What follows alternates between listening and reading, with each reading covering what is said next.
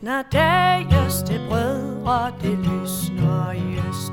Til arbejdet fremad i kor. Man håner den fattige seneste trøst. Hvor ret til at leve på jord. Man deler vor frihed, beskærer vort brød. Til arbejdet, liv eller død. Og tusinders så på hvor nakke blev lagt. Vi bare det og tag i vor nød. Men er vi de mange, så værer det sagt. Vi fordrer det daglige brød. Samdrægtige går vi i sorg og i nød. Til arbejdet, liv eller død. Så er der finale. Der er ikke blot finale for de røde fjers antijubilæum i forhold til arbejderbevægelsen. Jeg synes faktisk, at der er nærmest taler om en form for finale for de røde fjer so far. Velkommen til. Mit navn er Kalle Kylmand, og med til at fejre ja, det store karakterdrab, det store antijubilæum, noget jeg har glædet mig vanvittigt lang tid til, noget jeg måske har varmet op til i flere år nu, det er selvfølgelig dig, Andreas Nørgaard. Tak, Kalle. Jeg har også glædet mig, fordi at det, som vi skal til at begynde på, er noget, der har spillet rundt i kulisserne i meget lang tid, faktisk. Ja, det er jo ligesom skurken over alle skurke. Det er den glemte historie, den fortabte historie. Det er jo det, øh, vi skal til, og det er også øh, altså, interessant, hvis vi lige skal tage status her på, øh, på de røde fjer. Det er jo, at vi er gået i løbet af de sidste år fra, du ved, 50 lyttere til 15.000 lyttere, og det er jo netop dagens hovedperson, som har spugt, spugt, som du selv siger, spugt i kulissen i alle de her år, ikke? Har været med ind over rigtig mange af vores historier, uden nogensinde har været omdrejningspunktet på historierne, men så alligevel været med. Ja, og det er jo også en historie, som indeholder alt det gode, I kender for det røde fjer. Det er en historie med mystiske dødsfald. Det er om massiv druk, seksuelle overgreb, korruption i kæmpe skala, landsforræderi, spionage for udlandske magter og rigtig, rigtig meget historieforfalskning. Det handler selvfølgelig om hele Danmarks landsfader, Torvald Stavning. Og øh, jeg kan godt lige love for, at I skal spænde jer fast. Det her, det bliver vildt. Ja, det bliver faktisk rigtig vildt, og øh, jeg har faktisk håbet jo, øh, og har nævnt øh, til folk, at øh, jeg faktisk ville gerne have haft det her, skulle have været live, men det kan ikke lade sig gøre på grund af, ja, corona, som jo heller ikke langt fra overstået. Fordi at jeg vil virkelig gerne se jer lyttere, der sidder derude nu, hvor I kommer til at tabe kæben med den her historie. Fordi det her, det er en historie, som aldrig nogensinde ville være blevet fortalt, hvis det ikke var for de røde fjer, og vigtigst af alt, hvis det ikke var for dem, der støttede inden på tier. Der er 165 personer på nuværende tidspunkt, der støtter os. Og det er dem, ja ikke dem alle sammen, der er selvfølgelig folk, der er faldet fra i løbet af tiden, men den hårde kerne. I ved, hvem I er. I ved, hvem der er derude. Det er jer, der ligesom har været med til at støtte til, at vi kan nå på det, til det her lige præcis det her tidspunkt, og lige præcis de to næste episoder. For den her historie om landsfaderen Torvald Stavning ville aldrig nogensinde blive fortalt nogen som helst andre steder. Det er kun her. I har hørt det her først. Hold da kæft. Jeg, jeg, jeg glæder mig allerede nu. ja, ja. Og, øh, men først synes jeg lige, Andreas, inden vi går rigtig ned i den her historie. Torvald Stavning. Hvad tænker du? Altså, jeg tænker lidt, det er en af de, en af de få personer, hvor at alle ved noget. Mm. Alle ved, hvem det er, ikke? Ja, altså, for mig så stor Torvald Stavning, han er jo den der sådan, han er jo den der sådan, den danske udgave af sådan en øh, sådan Washington, eller en Churchill, eller en af de her andre sådan skikkelser, øh, som man kender fra, fra andre nationer, som er sådan en, der har karakteriseret hele moderne historie på en eller anden måde. Ja. Altså når man snakker om sådan noget, øh, hvad det, det hedder, det der kanslergade for livet for eksempel. Stavning var der. Stavning eller kaos. 2. verdenskrig. Altså han har ligesom karakteriseret og spillet en rolle i mange af de her ting, som vi har fået fortalt, af det, der har kendetegnet det Danmark, vi, vi har i dag. Og på en eller anden måde skal vi skylde ham noget. Øh, vi skal være taknemmelige for ham, eller vi i hvert fald skal, skal hylde ham på en eller anden måde for, for den indsats, han har gjort, uden det måske ikke altid er helt klart, hvad det egentlig er, han har gjort. Øh, mm. Øh, men på en eller anden måde, så har han altid, han altid været blevet nævnt i forbindelse med mange af de her øh, begivenheder, som, som, vi, som vi får at vide af det, der har formet det, det, det samfund, vi lever i i dag. Nu er det jo et arbejderbevægelse anti-jubilæum, hvor at vi nu, vi, nu er vi nået til finalen, nu er vi nået til afslutningen, og det er jo, jeg, jeg overvejede lang tid gået frem og tilbage, om skulle vi gemme stavning til en regnværsdag, eller, eller hvad skulle vi gøre. Men jeg kom frem til, at vi bliver simpelthen nødt til at tage den episode nu. Jeg ville gerne have gjort det live, du ved, i Bremen med tu, tusind mennesker, så jeg kunne se dem tabe kæberne, når vi fortalte den her historie. Men nu må det blive på podcastet, så folk må sidde og holde, Hold fast, stolen. holde fast i stolen, når de hører den her øh, historie.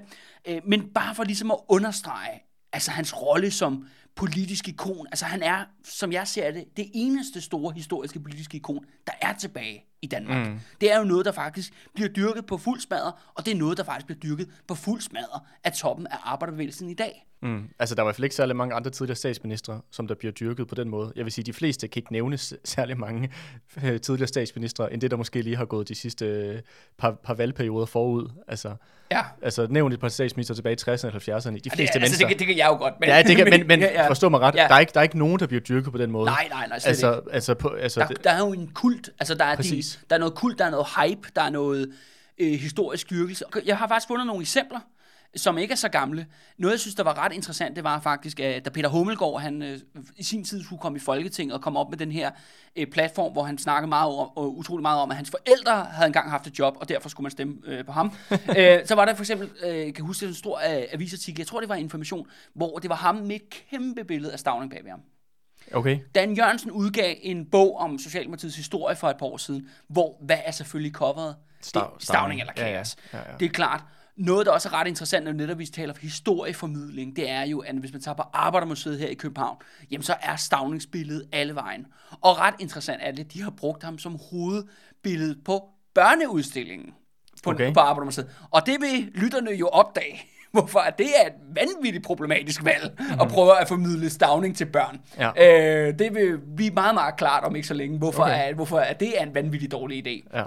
Men jeg vil sige, at alle, der har haft en, der er gået i folkeskolen og haft historie, har jo også set stavningsbilleder. Altså, det kan, det kan huske, det har der været sådan, det der stavning eller kaosplakat, er det en af de, de billeder, der, som jeg i hvert fald kan huske fra min sådan, folkeskolehistorieundervisning, at det er noget, som der har sat sig fast på en eller anden måde, at ud af de, ud af de få ting, man, har, man kan huske. Altså. Det her, på mange måder, nu har vi jo talt meget om konsensushistorie, ikke? og vi har talt meget om konsensushistorie faktisk på den her serie. Ikke? Det er jo ikke bare kun med arbejderbevægelsen, det er jo faktisk med moderne Danmarks historie.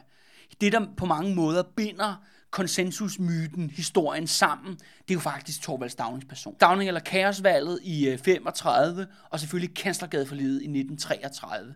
Og Stavning som den her arkitekten af det moderne velfærdsdanmark, det er, og det er derfor, at vi skylder Socialdemokratiet alt, og det er også ham, han, eller han får i hvert fald æren for, at i Danmark, der kan vi, elsker vi kompromiser og samarbejde osv. osv. Og det er på grund af ham, som ligesom bliver høvet op til det her politiske ideal.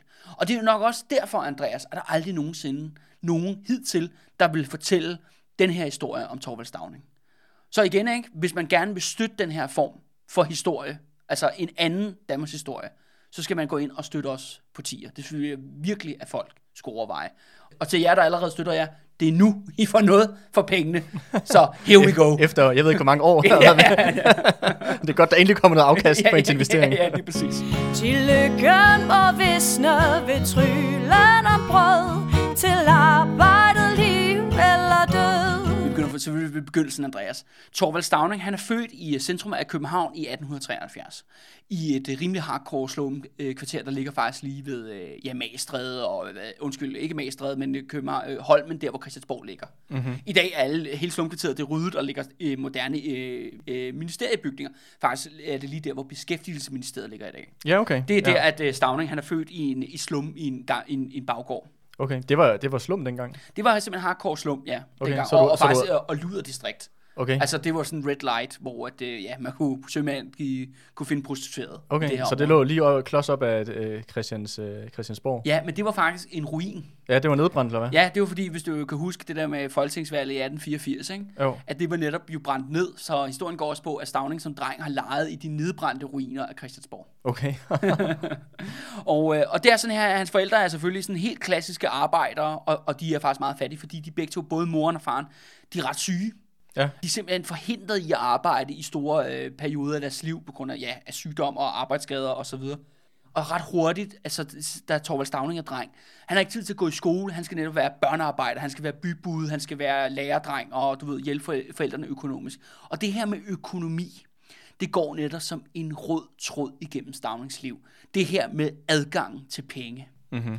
For eksempel hele min hypotese omkring Stavning er, den her mand, han tror på ingenting. Han tror ikke på socialisme, eller socialdemokratiet, eller reformisme. Han tror ikke engang på Danmark. Manden, har- som jeg ser mig, er ikke engang nationalist.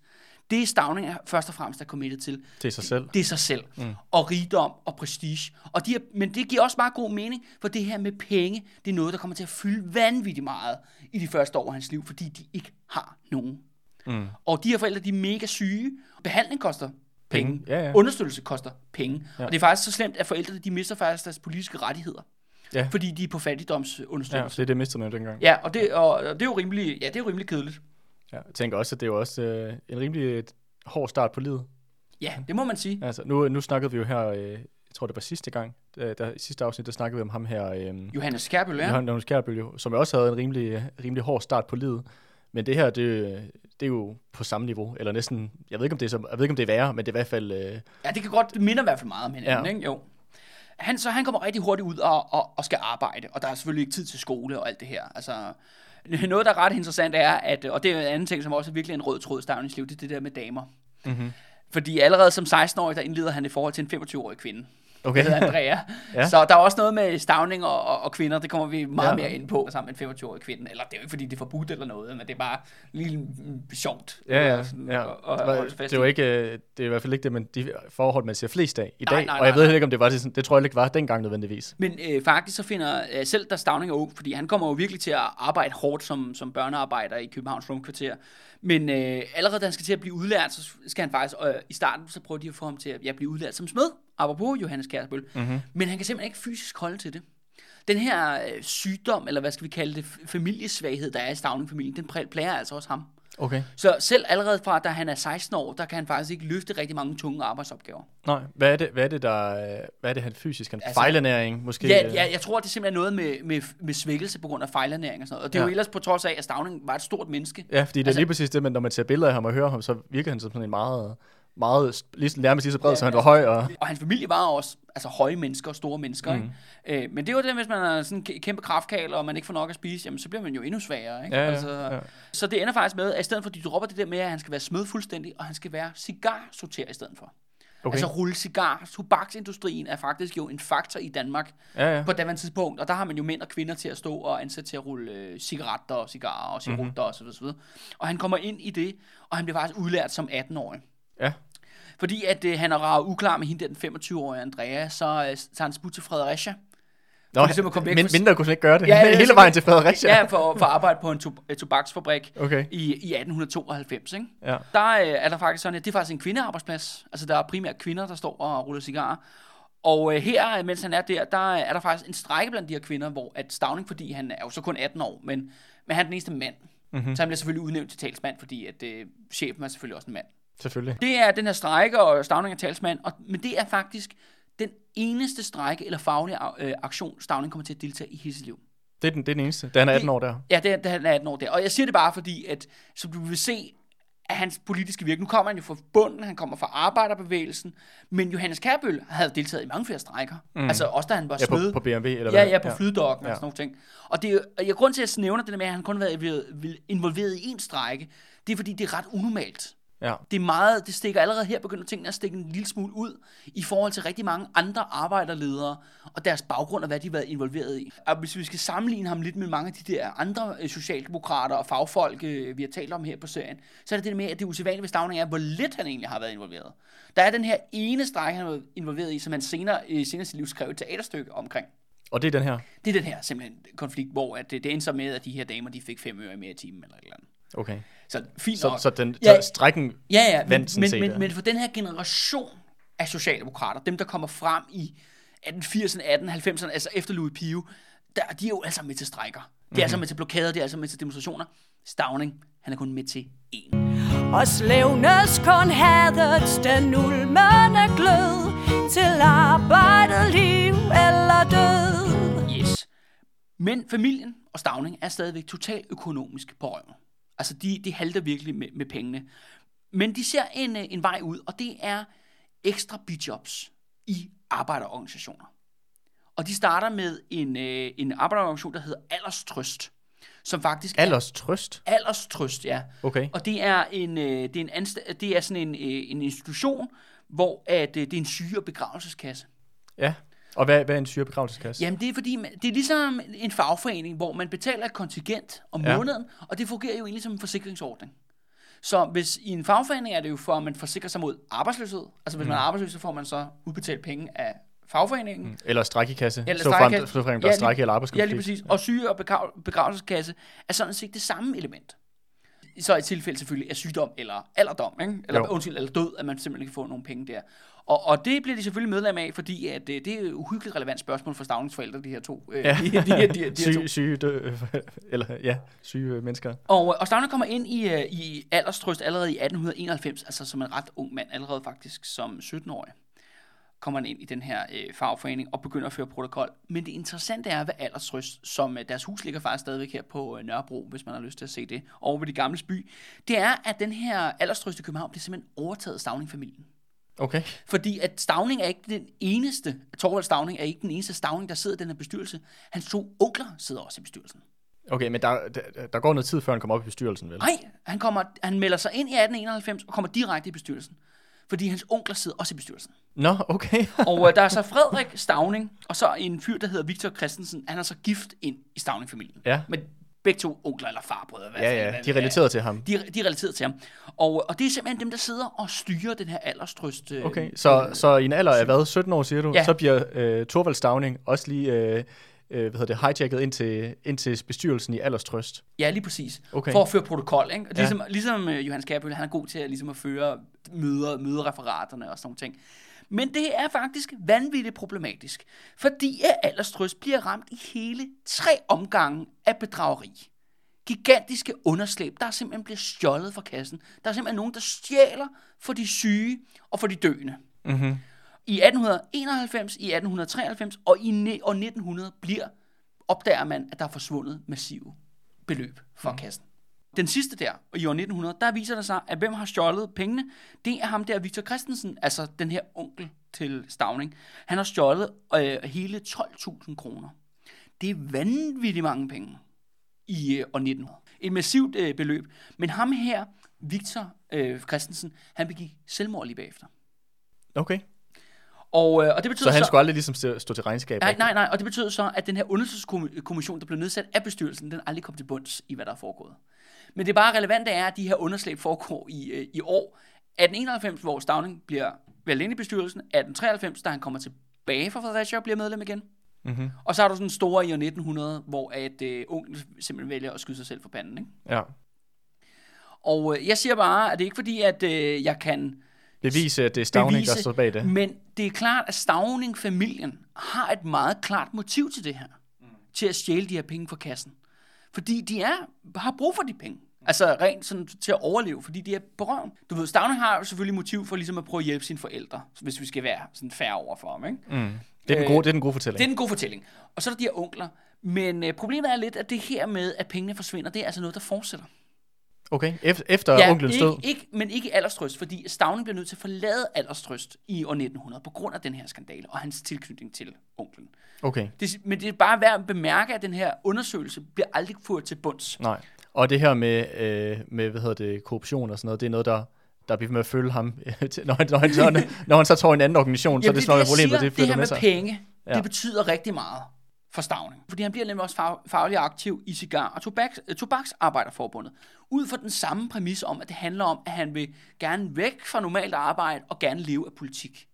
Og han vil gerne leve af ja, at tjene penge på det, og han vil gerne tjene så mange penge som muligt. Det kan man se. Han bliver ved med at tage forskellige poster for at skrabe penge nok, men fordi at fagforeningslønninger den her gang, eller små viderelag er det mere, det, det er kun det er meget, meget få mennesker, der faktisk egentlig lever af at være i fagbevægelsen og i politik for Socialdemokratiet på det her tidspunkt, mm. fordi det er jo en underklassebevægelse. Ja, hvilket lyder meget sundt sammenlignet med, hvordan Socialdemokratiet er i dag. Ej, jamen, jeg, er sikker, jeg er sikker på, at øh, folk bliver rigtig glade over, at deres øh, skattekroner bare vælter direkte ned i partikasserne. Ikke? Eller kontingenter til, til fagforeninger ja, og ja, Socialdemokratiet lige, lige, sags lige, skyld. præcis. Men, men den her gang, der er pengene små, men, men Stavning han søger virkelig alle de her jobs og positioner, han kan få, for netop at skrave flere og flere penge sammen. Og øh, det er sådan her, at i 1896, der bliver han faktisk også valgt som fagboss i to, øh, Cigar- og Tobaksarbejderforbundet. Og også på trods af, at han har kun været med til den ene strække der i Fredericia. Ja, ja, lige præcis. Mm. Men han er god til at føre protokol, ikke? og øh, helt klassisk, altså der er en fyr, der hedder Sigvald Olsen, som er den formanden før Stavning, som ligesom peger på ham og siger, at han skal være efterfølger. Der er lidt det der med, at de der fagbosser, de groomer ligesom. Ja, ja, og selvfølgelig. den første generation, den første generation, de her fagbosser, er jo tit dem, der har skabt forbundet. Ja, Det er jo klassekæmperne, ikke? Dem, der ligesom har gennem strejker. deres værd. Der bevis deres værd. Og, men de næste formand, det bliver så tit byråkrater. Mm. til at køre day-to-day operations. Og der kan man mm-hmm. sige, at der er Stavning et rigtig godt eksempel, ligesom Johannes Kærbøl var det for smeden, ikke? Selvom det er så lidt, Stavning er så lidt tidligere jo, i forhold til Johannes øh, Kærbøl, ikke? Men øh, problemet er bare, at øh, i Cigar- og, Tobaks, Cigar- og Tobaksarbejderforbundet, at der er også nogen, der stjæler for kassen der. Det var godt nok ærgerligt. ja, det var godt nok interessant. Og i, i 1903, der er der simpelthen en øh, bedragerisag hos Tobaksforbundet, hvor at øh, kasseren har stjålet i hvert fald 1200 kroner øh, for kassen. Og der kræver faktisk medlemmerne i forbundet, at der skal en politiundersøgelse. De skal simpelthen øh, det skal have en eller anden form for retslig efterspil. der har det, det er ikke nok bare med en intern undersøgelse. De Nej. Skal, der skal myndighederne ind over. Men det, det grinerne er, at Stavning nægter begge dele. Okay. Han stiller sig imod til det? Ja, eller? ja, ja, som formand. Så Stiller siger, sig han, mod det, så ja. siger han, vi skal ikke have nogen politiundersøgelse, vi undersøger det i en intern undersøgelse. Mm-hmm. Men det er jo sådan med de her Det, bestyrelser. det er ligesom også, når Danske Bank laver intern undersøgelse af sig selv. Sådan, man ved bare, Ja. åh, der, der er nogle mails der, der ikke kommer til at blive kigget igennem. Jeg har ikke mere end det, men du kan allerede se nu, hvordan at det der med, at Stavning er fedtet ind i nogle mærkelige pengesager og sådan bedrageriagtige ting, at det, ligesom, det er noget, der ligesom øh, forfølger ham lidt, ikke? Ja. Igennem, øh, igennem de unge år. På baggrund af, at han er øh, ja, kommet i tobaksforbundet der, så bliver han også, fordi han hele tiden søger flere jobs, så bliver han faktisk også øh, redaktør for øh, DF's blad, altså de samvirkende forbundsblad, altså det, der hedder FH i dags, øh, et blad, der hedder Samarbejdet. Øh, så bliver han redaktør for det blad, men det gør han vanvittigt dårligt. Fordi det er sådan her, at i modsætning til, hvad folk tror, Stavning var hverken en særlig god skribent, eller en vær- særlig god taler. Faktisk så sagde folk konsekvent om, at han manglede virkelig charme. Han var tit en virkelig øh, forknyt person, altså sådan en tavs person, der stod og sådan og brummede over i hjørnet. Og han var det der kæmpe menneske, ikke? Men du ved, man sagde faktisk vanvittigt lidt, og, og havde, altså, var overhovedet ikke charmerende. Det, det er sjovt, når du snakker om, om ham. Sådan, jeg, kunne ikke, jeg, jeg, jeg nævnte det ikke, da vi snakkede om Johannes Kjærbøl, men nu er jeg nødt til at, at lave den sammenligning her. Okay. Jeg, snak, jeg tænker, når du fortæller om ham der med sådan en, en, der har det godt med at føre protokol, som ikke siger så meget og ikke blander sig i diskussioner. Han minder mig lidt om sådan en, den måde, som Stalin bliver beskrevet. Ja, det er sjovt, du bringer det op. og, øh, og, hans, men- og, hans, og hans rolle i, øh, i, i Bolsjevikpartiet, altså Lenins parti der, fordi det er lige præcis også, når man læser nogle af de her beretninger om, hvordan hans rolle var, men han, han var også sådan en stum, stum karakter, der også førte, øh, der førte hvad hedder det nu, øh, referat til møder, men aldrig rigtig blandede sig i diskussioner eller noget. Øhm, og også lavet rimelig sketchy ting, også øh, rundt omkring. ja. med, med penge også, for eksempel. Mm. Øhm, men jeg synes bare, der er nogle påfaldende sam, øh, sammenhæng. ja, og så er det jo, det er jo den samme tidsperiode også. øh, Samme tidsperiode, Ja. og han kommer også for meget fat i kår, for den Ja, sags skyld. ja, ja, Men ja. any- anyhow, det er bare... Ja, men altså, den sjov, her, øh, det er sjov, sjovt, øh, du, sjovt, du siger det, uh, Andreas, fordi at, uh, det er jo totalt spoiler alert, men, bo- men hold lige fast i den tanke, kære lytter, Ja. fordi det kommer til at blive relevant noget senere i næste episode, det her netop med Stalin-parallellen.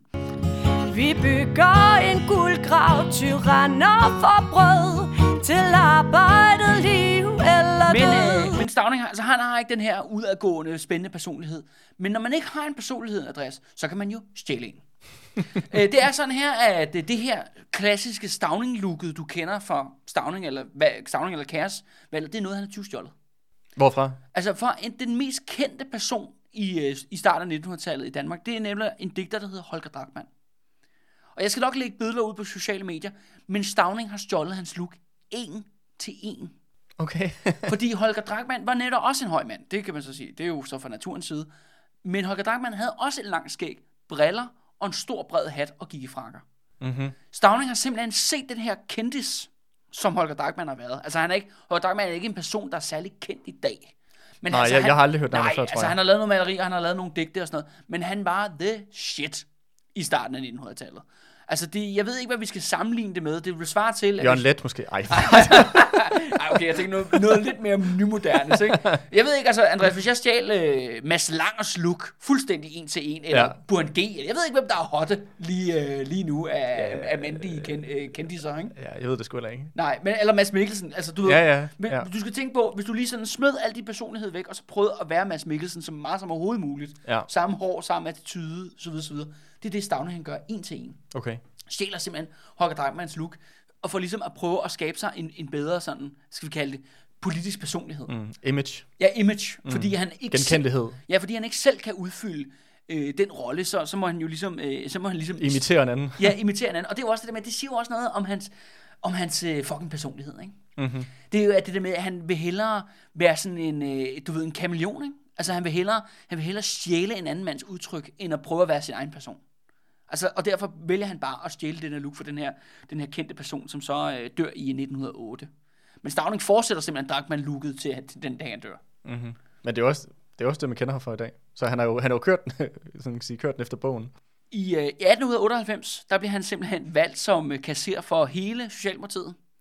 Det kan man jo sige var en rigtig, rigtig shitty beslutning. Altså en mand med hans, øh, med hans øh, forhistorie, med, mm-hmm. øh, hvor at pengene forsvinder mystiske steder hen. Men det bliver han altså simpelthen valgt til. Og han bliver også senere sendt øh, partisekretær for den daværende formand i Socialdemokratiet, en fyr, der hedder Peter Knudsen. Ja. Som er, øh, man kan godt kalde ham lidt Socialdemokratiets genrejser. Han var formand fra 1882 til 1910. Og det er ligesom ham efter Estrup-perioden jo ligesom har slået dem fuldstændig til pindemad, det er ham, der er med til at bygge og bygge bevægelsen, ikke? Og altså Knudsen, mens han er partimand, så går de jo, øh, eller partiformand, så går de jo fra at være sådan 300 medlemmer til at blive 40.000, ikke? Ja. Altså, så det, Så han er med til at genrejse det er ham, der har skabt Socialdemokratiet på Ja. mange måder. Ikke? Så Stavning er jo noget højt op i toppen, og, og, og det han har simpelthen har fået igennem hele det, er jo bare det der med, at han kan føre protokol og lave referater og være, du ved, sekretær og lave alt det der praktiske, ja, du ved, ja, byråkratarbejde, basalt set. Hvordan er hans egen økonomiske situation på det tidspunkt? Jamen, øh, det bliver bedre, og, øh, og det, gør, det gør det helt konkret ved også, at han får et tilnavn i Socialdemokratiet. Han bliver lidt Er det sådan noget limfinger? Eller Nej, sådan? nej. Fordi at det er om bare, at alt bare stikker til hans hænder, især pengesedler og andet. Han bliver kendt som øh, Lapsen. Lapsen, okay. Ja, og det er fordi, at han lige pludselig går rundt i noget meget, meget dyrt tøj. ja. Og det bliver der simpelthen... Det er næsten lige så godt som limfinger. ja, ja, ja.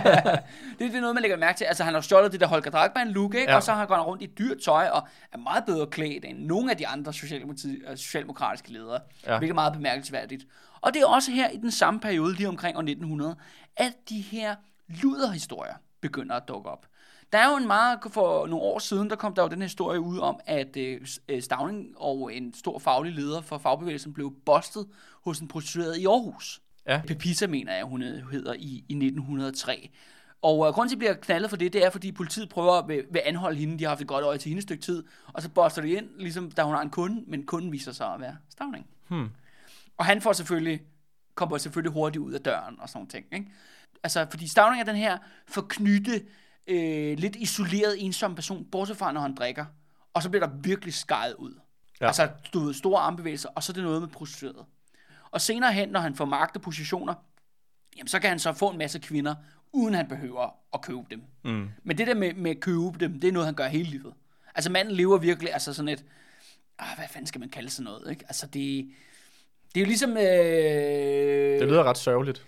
Jamen, jamen, det, jamen, det er ligesom, han lever sådan et liv, ligesom kriminelle lever. Ja. Al- Altså, du ved, når, altså, jeg burde han ikke kriminel på den måde. Altså, det er mere at forstå mig ret, at når de har penge, ikke, så er der bare, du ved, så er Fuld det bare smadre og fuld fart, stoffer, druk, øh, luderdamer, stripklubber, alt sådan noget, ikke? Og Stavning lever sit liv på den samme måde. Og det gør han konsekvent igennem hele sit liv. Nu kom vi også med den der lidt klamme øh, mormor-historie der.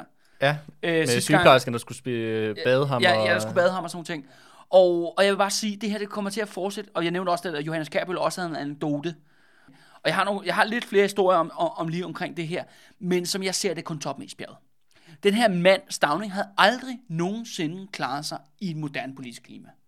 Altså, det er jo længe før, der er noget, der hedder MeToo, det her, ikke? Mm-hmm. Men altså, manden er bare involveret i rigtig mange sådan luder og øh, andre sådan skandalesager med kvinder og alkohol og sådan nogle ting.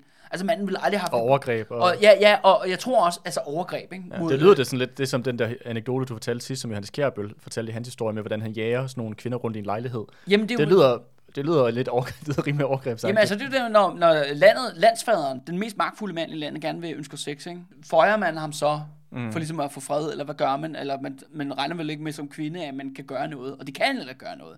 Og det viser jo faktisk den her Pepita-sag, som lige på grund, det kom jo så i politiets akter, ikke? Det Petit, uh, hende der prostituerede Pepita der, hun blev selvfølgelig straffet mega hårdt, og Stavning havde ingen konsekvenser for. Det er også sådan, det er i den her tid, ikke? Mm. Hvor, hvor kvinder er selvfølgelig massivt undertrykt, ikke? og er second class citizens og så videre, så videre. Men det er også bare, at Stavning er også exceptionelt ulækker. Altså han er, han er så slem, at nogle af de historier, på trods af konsensushistorien, på trods af ladsfader, ikoner osv., osv., er nogle af de historier stadigvæk sluppet op til vores tid. Der er noget, der er slippet Jamen, sprækkerne. hvad? manden har begået så mange af dem her, at de ikke har kunne udrydde dem alle sammen. Nej. På trods af, at de, Og har, det kræver, de har forsøgt i... det kræver commitment, Andreas. ja, Det kræver, det kræver liderlighed ja. I, i en skala, du ikke kan forstå. Eller sådan, ikke? ja, ja. Og at, at når man har sådan en position, når man har haft efterretningstjenester og alt muligt andet til at rydde op efter sig, at vi stadigvæk kan få noget af det slibrige frem den her mm. dag i dag, så siger det noget om mandens Mængden. mængden af ting, han har, han har bedrevet. ja. Så det er værd at forholde sig. Og det er jo derfor, det er vanvittigt problematisk, at han er ansigtet på børneudstillingen på Arbejdermuseet, fordi der er tale om en seksuel forbryder. Vi har som sagt, vi har ikke, du ved, smoking guns, han har jo aldrig siddet i fængsel for noget, Nej, han nej. har gjort, men der gemmer sig rigtig, rigtig meget lort på den der konto, ikke? Ja, ja. Og det er tydeligvis, at han er en mand, der jo mere magt han får, jo flere overgreb begår han. Altså forskellige slags. Men du ved, han er også... Og jo mere kan han også tillade sig. Men man kan også sige selvfølgelig, at, at knippejeppe og slikkefrank og sådan noget, de kommer jo ikke ud af ingenting. Nej, Du nej. ved, det ligger i partiets DNA, det her.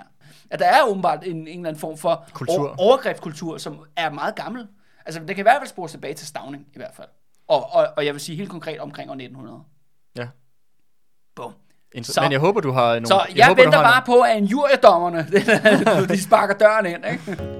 Sandrægtige går vi i sorg og i nød Til arbejdet, liv eller død Men det er sådan her, nu er han jo nået op ad toppen igennem, ja, byråkratiske, hvad skal vi kalde det, flid, at han kommer op i, i, i toppen. Og så er det selvfølgelig klart, at øh, så skal man jo også opstilles til Folketinget.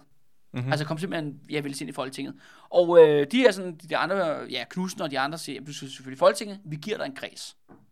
Du, Hvad, hvad for en kreds får han så? han får Faxekredsen. Ja, Og Faxekredsen, altså Faxe ligger her på, på Sjælland, altså Ja. Sydsjælland. ja. Der var faktisk Kondi fra. for Ja, ja, okay, ja, det er godt, Andreas. Det, det er så lytterne, du udkalder. Det er ikke, det er ikke for at vise mig over for dig. Det er så lytterne også lige ved, nå, okay, hvor, okay, hvor vi er henne. Ja. Super, super. Men det er sådan her, at øh, Faxekredsen, de vil overhovedet ikke have ham. Nå, øh, det er sådan her, at Stavning er vanvittigt upopulær i sin egen kreds.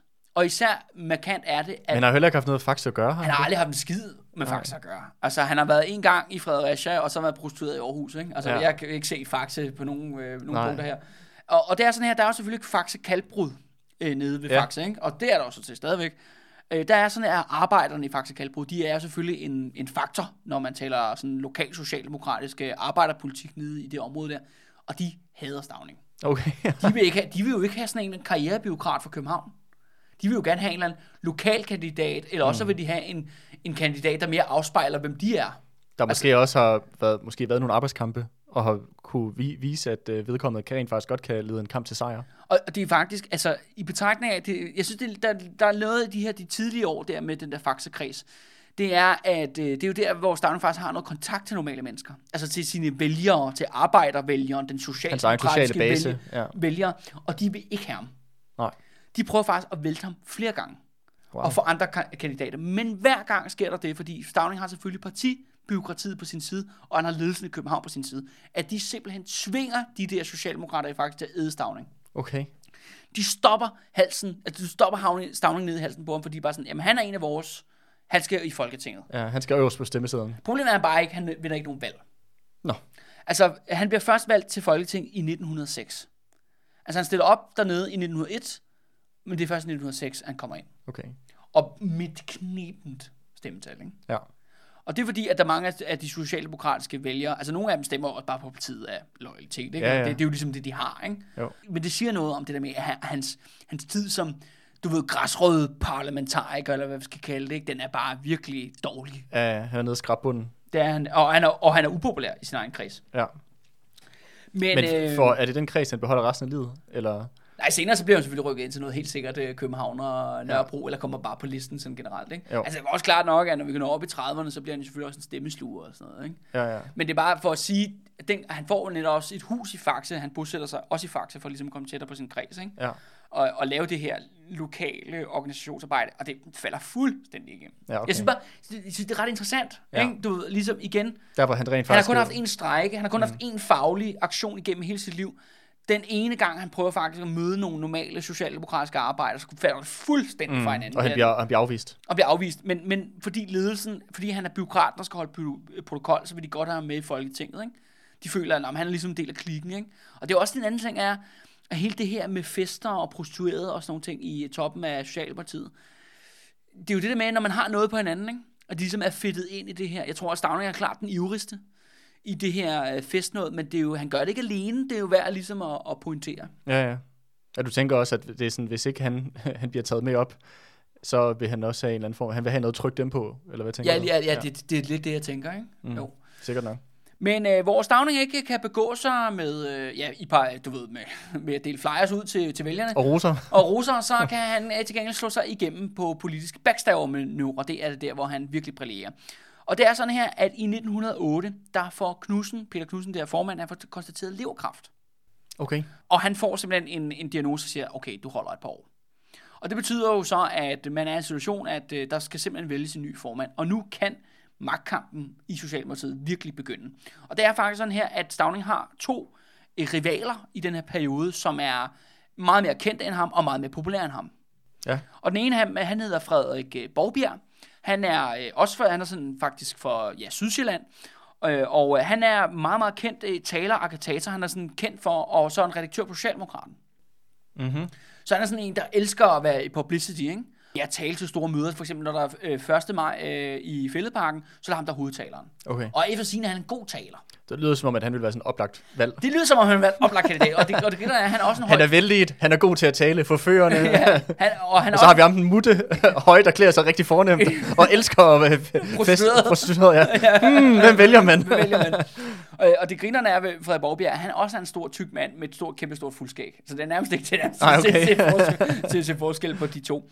Øh, og, men jeg vil også sige, Frederik, Frederik Borgbjergs credit, at han er også kendt for, for eksempel, at øh, han har været meget involveret i at vælge, vælte en justitsminister under Estrup-diktaturet og sådan noget, igennem sådan øh, afslør, afslørende journalistik og sådan noget. Okay, Altså han er også en mand, der har betydet noget, Ja, ja. altså, sådan, og gjort nogle berettet nogle ting. berettet nogle ting, og gjort også, vil sige, nogle gode ting. Mm. Altså, øh, at socialdemokrater være, ikke? Altså, Jo, jo. han har gjort det godt, ikke? Ja. Og så er der den anden, som jeg også synes er ret interessant, fordi at det er netop Mette Frederiksens yndlingssocialdemokrat, som hun har været ude at sige flere gange. Er det ham her, Frederik? øh, Nej, det er ikke Frederik Borgbjerg, det er ham, den anden Det vil også overraske mig, fordi hun meldte jo også afbud til 1. maj der i, øh, var det 2020?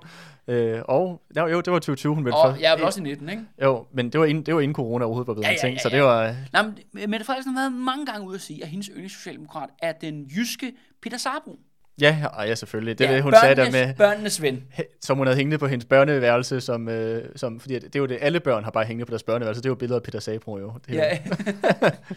men, men, men Peter Sarbo, han er jo netop ja, kendt, fordi han er børnenes forsvar. Det er blandt andet ham, der gør, vi talte faktisk lidt om det i relation til Johannes Kærbøl episode, de her forfærdelige forhold, der er på børnehjem i Danmark i den periode med pædofile og vold og så videre, så videre. Og så er han også kendt for, at han er, Peter Sarbo, han laver sådan noget, hvad skal vi kalde det, virkelig øh, grineren aktivisme i forhold til det her med børn, hvor at øh, blandt andet på et tidspunkt, så har han et, et barn for, øh, for en af de her børnehjem med ind i Folketinget, hvor man kan, så folketingsmedlemmer kan se, at, det her barn har fået pisk Okay, på børnehjemmet. Fordi de, de borgerlige nægter at tro på, at sådan noget finder sted. ja. Så siger han, det her drengen, jeg kan bare se, at han er fuldstændig blodig ryg. Ikke? Mm. Og så er der også en anden historie om, hvor han anklager en slagter nede, i, du ved, nede på strøget i København, for at han mishandler, mishandler sin adoptivdatter, hvor det sidst fører til, at han, den her slagter, han udstiller sin datter i vinduet i butikken. Så hans kunder kan se, at det passer altså ikke, han mishandler hende. Okay. Så du ved, Peter Sabo, han er sådan en rigtig journalist i Aarhus og, og sådan noget, ikke? Og han, han, du ved, han er sådan en rigtig kæk, gæv gut, ikke? Ja. Og de her to, både Frederik Borgbjerg og, øh, og Peter Sambro, de er jo det modsatte af stavning. På alle leder og kanter. Og så kan det jo selv være fascinerende, hvordan fanden endte vi så op med, at det var Stavning, der blev valgt til formand i 1909, efter den her interne magtkamp i Socialdemokratiet.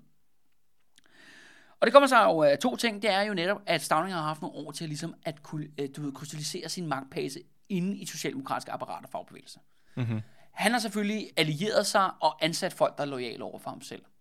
Men noget, der er meget kritisk, og noget, jeg tror, at Frederik Borgbjerg kommer til at fortryde resten af sit liv, for de to kommer til at have et vanvittigt dårligt forhold til hinanden, det er, at Frederik Borgbjerg vælger at gå med stavning i den endelige afstemning. Ja. Fordi at Frederik Borgbjerg tror, at han kan kontrollere stavning. Han tror simpelthen, at Stavning er jo den her, jamen vi vælger ham til formand, men han er jo den her, Nyttig fjols. ja, du ved, han er den her grå byråkrat. Ja. Og, og Frederik Borgbjerg tænker, jamen det er jo mig der, det er mig, der er den største talsmand i Folketinget, det er mig, der kommer i pressen, det er mig, der har avisen, det er mig, der kommer ud og holder de store Så han, møder. han går faktisk, han ender med at støtte op om Stavnings ja, kandidatur. som en kompromiskandidat. Ja, ja. Som en kandidat, der jamen, ved du, vi vælger en kandidat, som ikke vælter læsset, som ikke er gør et eller andet vanvittigt. Vi, vi vælger, du ved, middle steady of the, of the road. Og så problemet er så også, at, øh, at den anden modkandidaten, som er, fordi at oppositionen kan tydeligvis heller ikke blive enige, så de stiller sådan en meget ukendt fyr op, der hedder Christian Chris- øh, Christiansen, op imod Stavning. Hvem, hvem siger du? En fyr, der hedder Christian øh, Christiansen. Christian Christiansen? Ja, okay. ja, ja, ikke fordi det er en vigtig person. Nej. Men, men han er også en, en veteran for Socialdemokratiet, som er noget ældre, og det, det er tydeligt, at øh, for eksempel at Peter Sabo ikke stiller op, gør noget at gøre med, at Peter Sabo også er et, øh, noget upopulær jo, i en københavner-kontekst, ikke? Fordi han ligesom står for den jyske del af partiet. Ja, Nå, men det er også ikke for, ligesom vi skal gå for meget ned. men det vil sige, at vi har fire kandidater. Nej, vi har kun Stavning versus ham der Chri- Christiansen. Men, Okay. men det interessante er jo... Men hvad, at- hvad bliver Frederik øh, Borgbjerg og Peter Sabro? Jamen, de stiller også- simpelthen ikke op, og, og det er jo det, der er det interessante er, at der er ikke nogen, der ligger noget i den her formandspost. Nej. Fordi at de har to kæmpe profiler. Frederik Borgbjerg og Peter Sabro, ikke? Henholdsvis manden, der nakkede justitsministeren, og børnenes ven. Ja. Altså, de, vi taler om kendiser, altså ja. i, i daværende periode. Og stærke kår på arbejdervæsen, det er jo sådan noget, når man kommer, hvis man skal til møde Socialdemokraterne i den periode, man kommer jo ikke for at høre fucking Torvald Stavning. Mm. Man kommer for at høre Frederik Borgbjerg eller Peter Sabro. Frederik Borgbjerg, hvis man bor i København. Peter Sabro, hvis man bor i Aarhus. Ja. Sådan er det. Mm-hmm. Hvor vi, siger, vi vælger den her grå, meningsløse byråkrat. Men på trods af det, så blev det faktisk en rimelig sådan tæt kampafstemning inde i ledelsen af Socialdemokratiets bestyrelse med at vælge Stavning til formand. Det blev 27 til Stavning, og så 16 til Christiansen. Ja. Så det var ikke fordi, at, at der var nogen, der ligesom troede, at han skulle ligesom blive noget, øh, noget unikt. Nej. Det, altså, jeg ved ikke, hvornår, du sagde, at vi ville komme tilbage til det her med at sådan, uh, sammenligne uh, Stavning og, og Stalin. Jamen, det bliver ikke nu, Andreas. Det bliver ikke nu. Det, Nej, men så skriver jeg, nogle, så skriver de her pointer ned, fordi jeg synes allerede, der er flere ting, som der falder i øjnene. Sandrægtige går vi i og i nød Til arbejdet, liv eller død I, øh, I 1910, der dør Knudsen. Stavning er selvfølgelig blevet formand, der bliver afholdt øh, stor, øh, stor begravelse. Og, og Stavning er nu, øh, er, er nu formand. Øh, ret grinerne er det, at det er Stavning, der organiserer i København øh, den sidste gang anden international mødes. Ja, altså Og- den socialdemokratiske internationale. Ja, ja, så kan du få lige hurtigt forklare, hvad, hvad Ja, det er det er for jo en den her størrelse? internationale sammenslutning af socialdemokratiske partier på tværs af, det er nærmest mest kun Europa, øh, som jo mødes en gang i- imellem og vedtager nogle forskellige øh, tomme øh, løfter og deklarationer, for så at gøre det stik modsatte ud af Ja. deres Og i respektive lande. 1910, der lovede de jo netop hinanden, at de, de ville forhindre, at ja, Første Verdenskrig startede. For eksempel. En, en, en europæisk storkrig startede. Ja, ja, det havde de vedtaget på gang på gang på gang på, øh, på utallige møder, øh, og, og, ja, og sjovt nok, så endte det med, at der er ingen partier, på nær to, tre faktisk, tror jeg det var, som der øh, gjorde, gjorde jeg kan sige, holdt, holdt ved det, det, de rent faktisk havde vedtaget. Ja. Det russiske, serbiske og det irske, tror jeg det var, Socialdemokrati. ja. Ja, det er en længere historie, Og, anyway. og, og, grunden til, at jeg nævner det her, det er fordi, at øh, Stavning er virkelig, altså han har været den her grå, øh, ukendte formand, byråkraten. Fordi han er chef jo, han er ham, der bestemmer, så afholder den kongres, og det går skide godt, ikke? Og det er jo sidste gang, de alle sammen er samlet, ikke? Det er der alle de sidste gang, at vi har en arbejderbevægelse, for det der sker er jo, at så de splittes netop i en kommunistisk og en socialdemokratisk. Men altså, til den her kongres i 1910, der er for eksempel Lenin er der, og Trotsky er der, Rosa Luxemburg er der, altså alle de store profiler, og Stavning han møder dem alle sammen. Ret grinerende anekdote er, at øh, Stavning han bosser to russiske agenter, til, øh, der prøver at snige sig med til mødet. Okay, sjovt. Ja, han, han simpelthen han står og øh, tjekker folks øh, credentials i døren, deres Ja. ID i døren, og Ja, ser, om ja, det ja. passer, hvem de siger, hvem de er.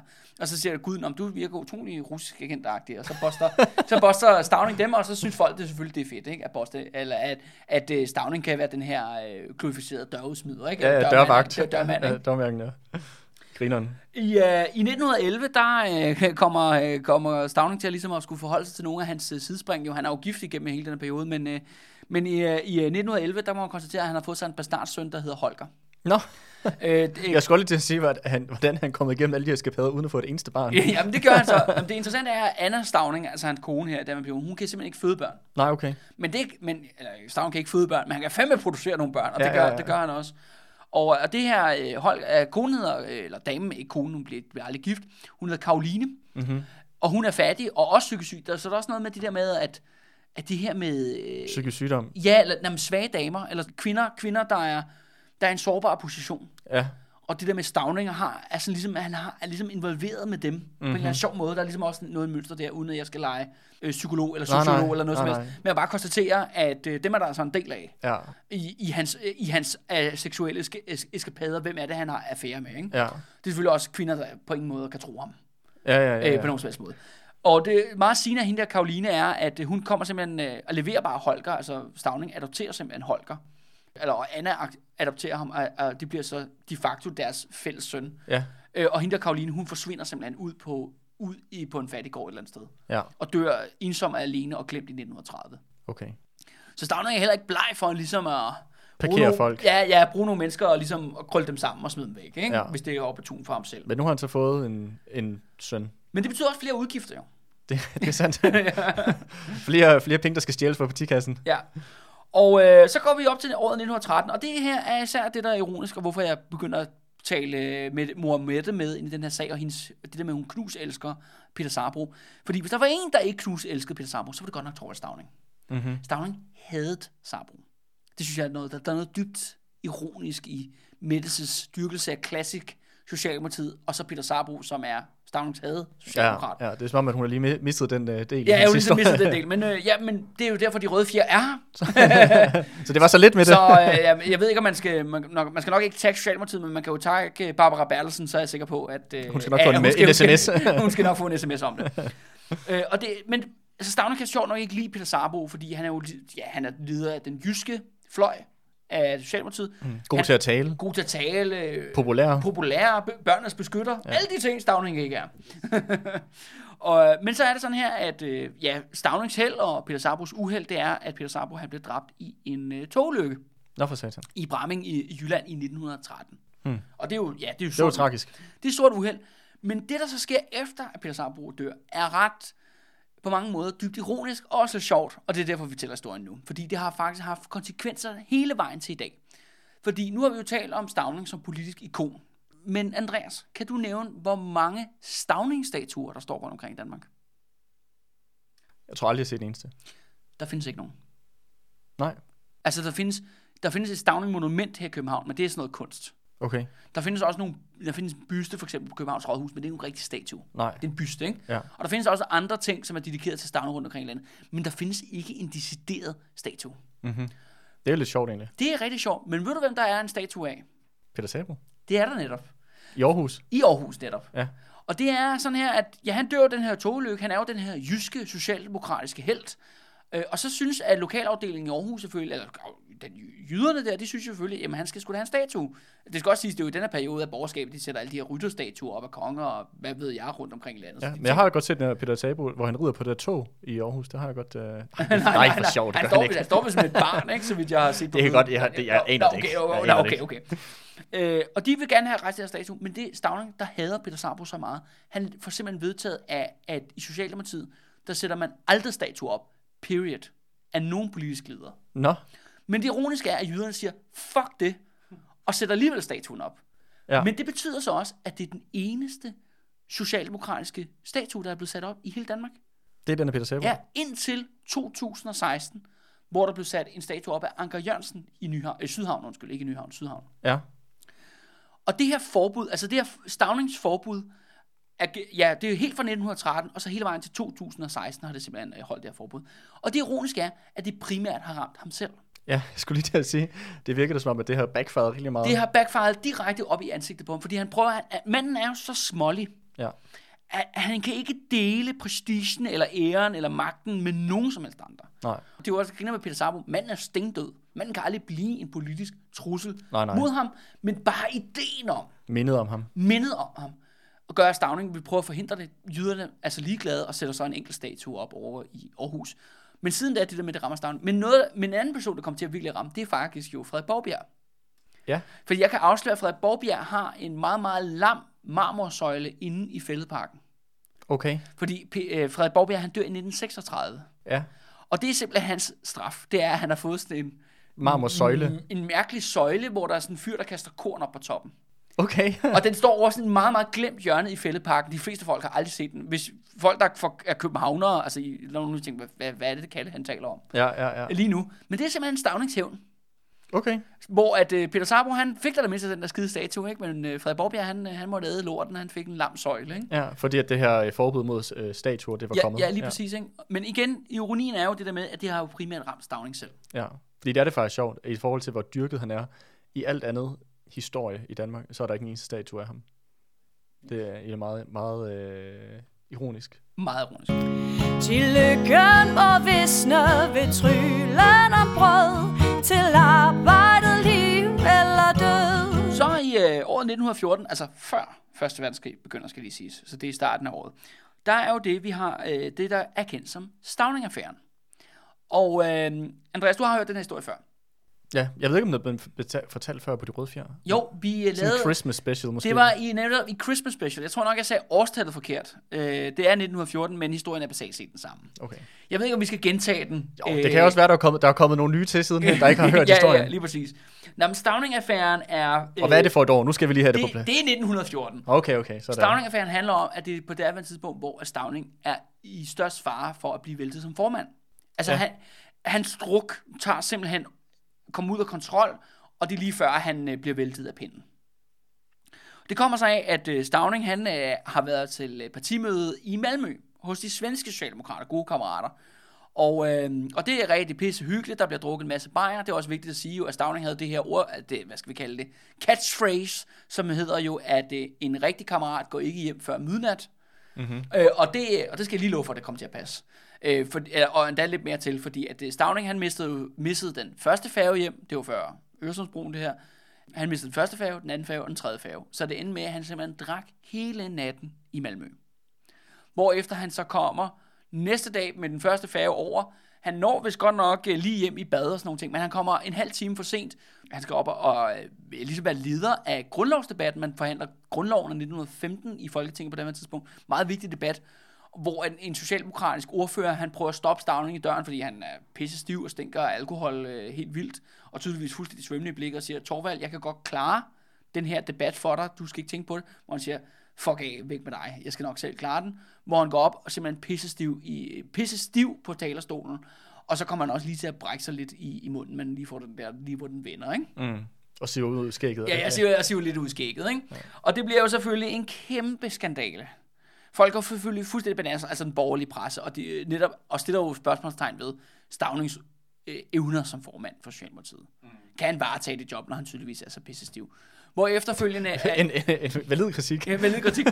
Hvor efterfølgende, at, øh, at øh, partiet vælger så jo at sende ham, på en, øh, sende ham ud af landet på sådan en øh, rundtur, hvor han ligesom skal, altså han bare på nogle høflighedsvisit hos de tyske socialdemokrater, de hollandske socialdemokrater, og hos tyskerne går det fint, men hos hollænderne, der bliver han pissestiv igen, og begynder at spytte vin ud over øh, kvinders, øh, ja bare brød, eller hvad hedder det, kavalergang, til sådan en øh, hollandsk middag til ære for ham, for ham ikke? Og det ender så til med, at han bliver sendt på tvangsophold i en uge, hvor han skal drikke vand i Tyskland, i et tysk kursted. Ja, så sådan et uh, detox. Detox, øh, simpelthen. Og det er jo virkelig en, øh, ja, en katastrofe for Stavnings formand, og han er jo virkelig tæt, tæt på at øh, skride i svinget her. Altså blive væltet, fordi han bliver set som en, en ja, for Drukkenbold. og udulig til sit job som, som formand.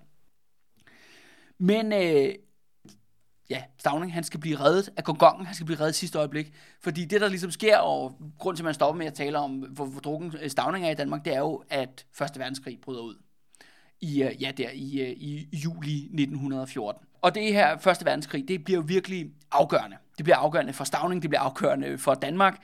Også fordi, at Første Verdenskrig, det kommer faktisk til at fikse Stavnings pengeproblemer permanent.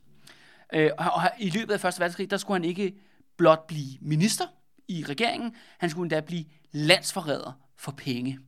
For under hele Første Verdenskrig, der var Stavning og toppen af Socialdemokraterne, de var alle sammen tyske agenter. Rigmændene fodres ved arbejde og præsterne fører os frem til pøle af svogl på den yderste tid.